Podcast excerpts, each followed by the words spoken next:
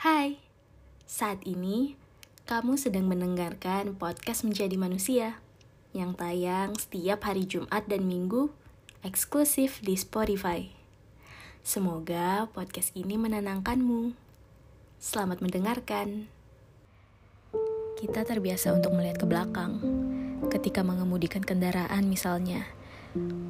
Kaca spion bisa menyelamatkan nyawa dari roda-roda yang tidak sabar.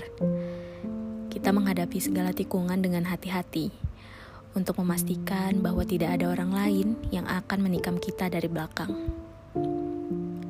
Selain itu, kita juga diajarkan untuk melihat ke depan. Jalan tuh lihat ke depan, kata mama, kata guru, kata teman-teman yang kita tabrak di lorong kelas. Benar, kalau terlalu sibuk melihat ke belakang, kita bisa-bisa bablas menerjang jurang. Di belakang, maut mengintai. Di depan, luka menunggu. Maka yang perlu dilakukan adalah menjaga jarak sebaik mungkin. Berada di antara, berada di tengah-tengah, yaitu masa kini. Masa lalu adalah bekal, pengalaman yang menjadi pembelajaran bagi kita dalam menghidupi momen saat ini demi menjelang hari depan. Pengalaman, detik ini, dan masa depan merupakan kesatuan yang tidak terpisahkan. Mereka menyatu dalam sebuah pusaran. Tidak perlulah kita lembur mengenang masa lalu dan memusingkan hari besok. Seperlunya saja, sepantasnya saja.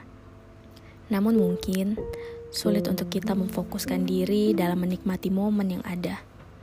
Distraksi makin banyak, media sosial bertambah lagi. Waktu seolah menipis. Tetapi semoga setiap kita selalu ingat, tidak ada kabar baik dari masa lalu, tidak ada kabar pasti dari masa depan. Yang kita hidupi hanyalah hari ini. thank you